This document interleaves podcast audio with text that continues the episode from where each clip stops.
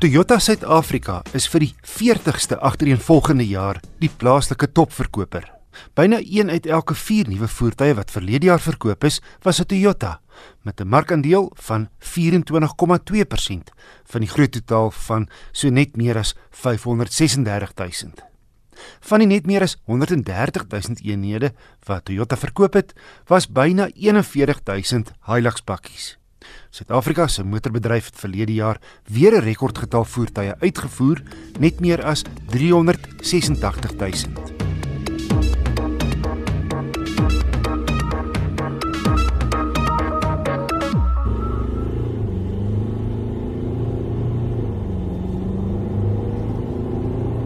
So klink die Ford Everest met sy nuwe 2 liter diesel met 2 turbo aanjaars en 'n 10-spoed outomatiese ratkas. Die oond vervang in die top Everest modelle die 3.2 liter 5-silinder turbo diesel. Hoekom? Wel, die 2 liter is 'n meer moderne masjien wat stiller loop, minder vibreer, meer krag het en heelwat suiwiger met diesel werk. Ford het sommer ook die reeks plek plek binne en buite vernuwe en 'n beter sekuriteitstelsel geïmplementeer. Verder is daar verbeterings aan die veringstelsel en die Everest rol nou minder omdraaie. Ek het hom op 'n grondpad gery. Hier is 'n voluit wegtrek en stop.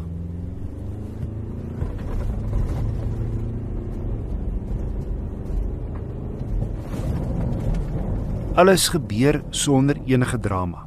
En 'n stuk redelike slegte sinkplatpad het die Everest lag-lag kaf gedraf.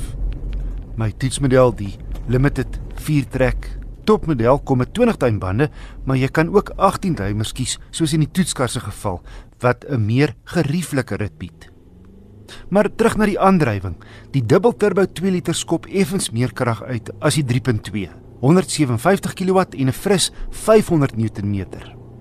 Trekkrag is daar volop. Hoewel die Everest se gewig van byna 2,4 ton, dis so wat 300 kg swaarder as die Fortuner tog 'n demper plaas op verrigting. Is 10 spoed te veel ratte? Miskien, maar die ratte wissel meestal onopvallend. Die ratkas sal self 'n hele klompie ratte oorslaan indien nodig. Hier is ook 'n sportmodus. Jy kan die ratte self skakel en jy kan van die hoë ratte uitskakel wanneer jy sleep. Die vermaakstelsel is opgradeer op 'n groter raakskerm en 'n langlys veiligheidskenmerke op die limited, soos 'n selfstopfunksie wat help om ongelukke te voorkom, as ook verkeerwaarskuwing wanneer jy agteruitry. Baanverlaat en blindekol waarskuwing, aanpasbare spoedbeheer en semi-outomatiese parkeerhulp. Alle Everest modelle het nou parkeersensors voor en agter met die hulp van 'n trikamera en in hierdie viertrek model se geval sewe veldrymodusse. Uit 'n sondak waarvan die matgedeelte onder die glas outomaties oopmaak voordat die glasgedeelte oopskuif. Die agterbak maak met die druk van 'n knop oop.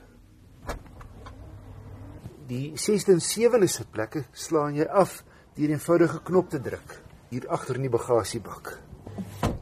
Die twee voorste sitplekke is nie net elektries verstelbaar nie, maar kan ook verhit. Ford se Everest Limited teen R776500 is 'n luukse, ruim en 'n talle opsigte 'n aantreklike sewe sitplekker sportnuts wat net baat vind by die nuwe, meer gesofistikeerde engine. My gemiddelde verbruik was 8.5 liter per 100 km, aansienlik ligter op die sous as die ou 3.2. Beter waarde lê egter by die effens minder luukse XLT modelle met dieselfde kragbron maar vanaf 652600 rand.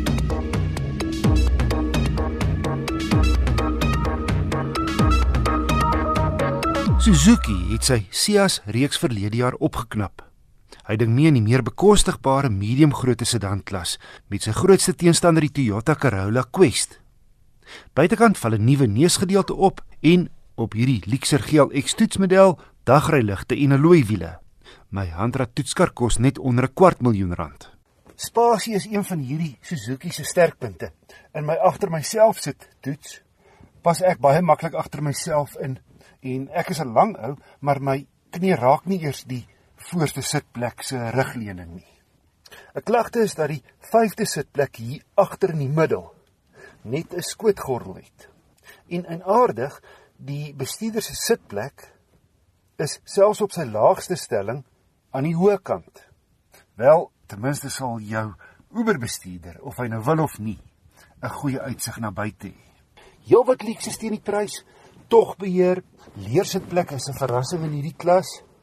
Klimaatbeheer met ventilasiegate agter, sleutellose oop en toesluit en jy skakel die kar aan met die druk van 'n knop aan en af.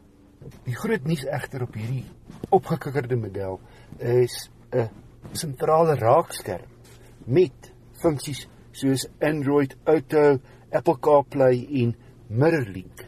Boonop kry jy 'n driebeeld en daarmee saam drie sensors wat ook nie gegeewe is in hierdie klas nie ook 'n ordentlike grootte bagasiebak en uh, 'n volgrootte spaarwiel. Hy kom ook met leesligte agter en 'n 12 volt punt. Die agterste rugleuning kan egter nie platslaan nie.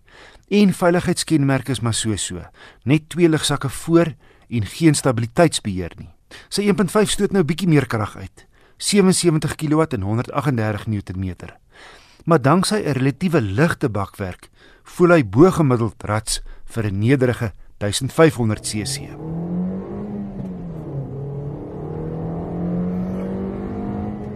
Kar het 0 na 110,3 sekondes afgelê. Net 5 ratte vorentoe terwyl die Toyota Quest 6 het. Maar sy 3300 toere teen 120 is nie sterend nie. Die gemiddelde verbruik op my stad en ooppadroete was 'n uitstekende 5,9 liter per 100 km. En wat ook beïndruk het, is 'n gerieflike rit. Sy onderstelling vering is goed gebalanseerd. Hy vat hobbels in die pad met gemak terwyl die hantering aan die ander kant nie sleg is nie. Die stuur is egter aan die vaarkant. Maar alles in ag geneem, by die Suzuki Ciaz 1.5 GLX baie goeie ware vir geld teen R249.900. Sy toerusting en diensplan van 3 jaar 60000 km klop die Quest en Volkswagen Polo se danse.